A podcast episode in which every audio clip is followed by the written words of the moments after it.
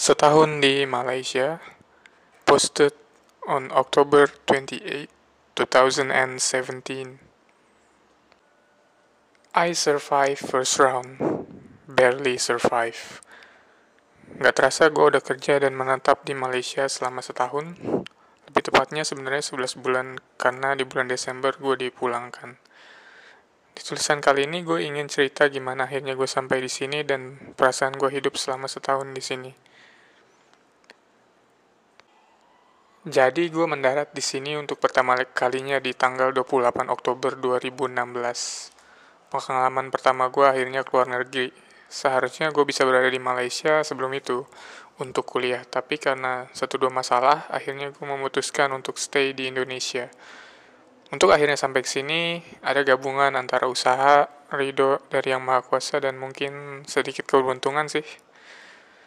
Awalnya sebelum gue mendapatkan pekerjaan di sini, sebenarnya gue udah kerja di salah satu perusahaan di daerah Kemang, bahkan sebelum lulus kuliah. Tapi akhirnya setelah lulus gue mutusin untuk ingin ikut beberapa temen gue yang lanjut kerja di Malaysia, makanya gue akhirnya take risk dan meminta resign.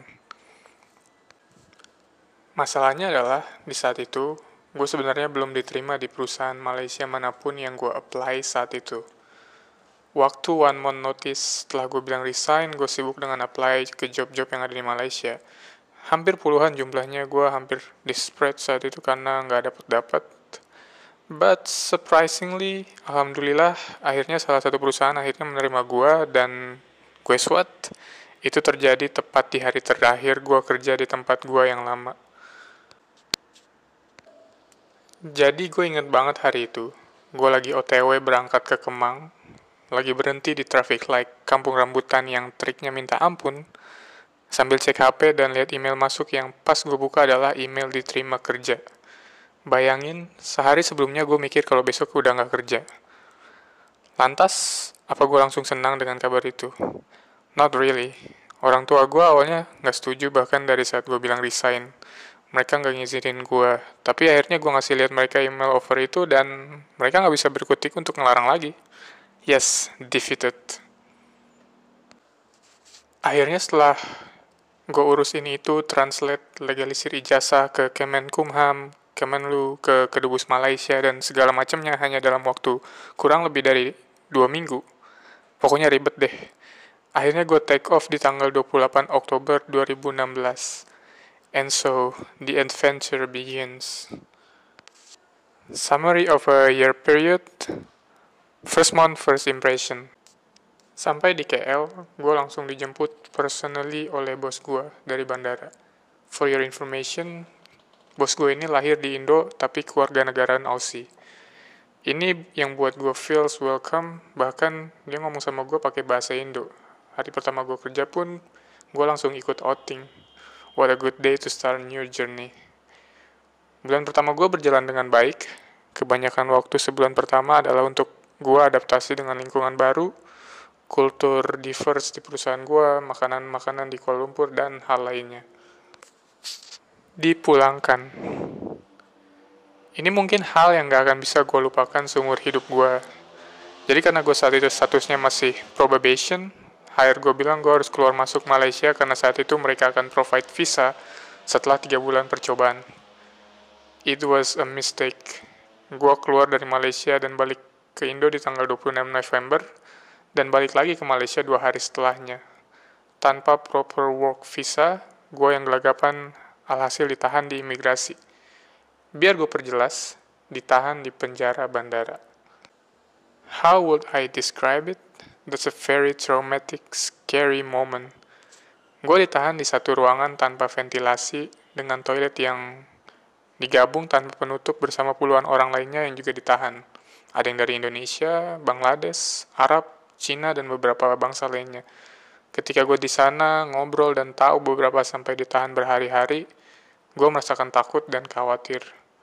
Bukan khawatir diri gue sendiri, tapi orang-orang lain yang gak tahu kabar gue karena gue nggak bisa ngobongin siapa-siapa ketika di sana. Alhamdulillahnya gue hanya ditahan selama 12 jam dan setelahnya gue langsung dipulangkan dipulangkan ke Jakarta dan akhirnya nggak bisa balik ke Malaysia lagi selama sebulan. Ini bakal jadi pengalaman trauma yang nggak pernah bisa gue lupakan sama sekali. trauma yang terjadi tiap gue ngelewatin imigrasi. But I know it was my mistake and my employer, I deserve it, I take that. Belum pernah ke mana-mana. Jujur dari sudut pandang traveling, gue belum banyak mana-mana selama gue setahun di sini. Destinasi yang udah gue datangi cuma Cameron Highland dan Pulau Perhentian. Bahkan Batu, Batu Cave, Berjaya Hills, Genting, Penang, Shah Alam, dan destinasi lain yang mainstream dan orang biasanya udah kunjungi ketika di sini itu belum pernah gue jajaki. In fact, gue bahkan belum pernah ke Dataran Merdeka. Seriously, gue bahkan baru tahu Dataran Merdeka itu dekat Masjid Jamek di waktu bulan puasa. Padahal tiap hari gue jalan kaki lewat situ. Selain faktor karena ngirit dan waktu weekend lebih milih dipakai buat istirahat, itu juga karena kebanyakan teman gue dari mereka udah sering ke mana-mana, jadinya gue nggak ada teman untuk explore. About work, mungkin tempat kerja gue saat ini nggak bisa menggambarkan betul gimana industri kerja di Malaysia. Karena notabene tempat gue sebenarnya it's not really a Malaysian company. Gue overall senang kerja di sini karena kulturnya yang diverse. Gue bisa kenal beberapa berbagai macam orang dan budayanya dari negara yang berbeda-beda. Gue juga dapat kesempatan untuk belajar banyak di sini. My boss, my peer, they are supportive on my work. Stressful sometimes. There was a moment ketika gue ngerasa pekerjaan gue berat, tapi bos gue tetap support dan bantu gue daripada discourage me. But there are still fun part on it dan juga gue merasakan ada kekeluargaan di sini. Itulah kenapa gue cukup betah di sini. Kalau masalah gaji mungkin kelihatannya lebih besar dari Indonesia tapi biaya hidup pun lebih tinggi. Jadi sebenarnya seimbang dan gak beda jauh. Masalah lain yang gue hadapin in terms of financial adalah non-resident tax. Jadi sekedar info juga untuk yang ingin kerja di sini bagi yang belum pernah tinggal di Malaysia selama minimal 182 hari maka kita harus bayar pajak sebesar 28% dari gaji kita sampai kita menetap, menetap sebanyak hari tersebut. Inilah faktor yang buat gue unhappy. Tapi untuk masalah ini, dengar-dengar kita bisa dapat refund uang taksi ini di tahun depan. Ya, semoga aja deh ya. Info lebih lanjut bisa dibaca di situs LHDN langsung. Daily life, gue personally pikir selama menjalani hidup di sini, Malaysia way better than Indonesia Public transportnya lebih baik, jalanan pun jarang banget sampai macetnya separah Indonesia. Cukup nyaman buat gue yang tiap hari pakai public transport ke mana-mana. Even so, nggak mau naik public transport pun Grab dan Ubernya reliable banget dan no drama, nggak kayak di Indonesia yang regulasinya selalu dipermasalahkan. Orang-orangnya, jujur di sini orangnya bahkan lebih beragam. India, Indonesia, Bangladesh, Cina, dan negara-negara lainnya. Tapi gue nggak pernah lihat atau mungkin gue nggak tahu ada isu toleransi di sini. Personally, gue nggak pernah mengalami masalah diskriminasi dan lain-lain di sini, jadi bagi gue sejauh ini ya fine aja. Dari segi bahasa, gue nggak banyak dapat kendala karena sebenarnya bahasa di sini hampir sama. Tapi tapi jujur gue jarang banget pakai bahasa Melayu. Pertama karena di kantor gue full English, dan bahkan kalau gue ngomong sama orang Melayu sebenarnya gue cuma pakai bahasa Indo dengan logat di Melayu-Melayuin. Did I feel happy? 40, 60 mungkin. Gue lebih banyak sedihnya daripada senangnya. Keputusan ninggalin Indonesia mungkin keputusan sembrono dan buru-buru dari gue.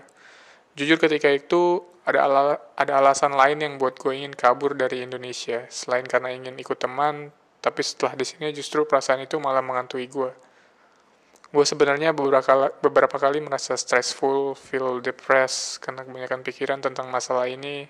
Dan another factor juga mungkin gak pernah terlihat dari raut atau keseharian gue. Itu karena beruntungnya gue masih punya teman yang menutupi perasaan gue itu di sini. Tanpa mereka mungkin gue jadi lebih jauh depres kali ya. But overall gue cukup senang hidup di sini. Masih banyak hal yang masih pengen gue explore explore negaranya, explore kulturnya, dan explore diri gue sendiri pastinya. Masalah cari jodoh di sini, gue tetap lebih suka cewek Indo sih. so with that said, I will stay here for another year.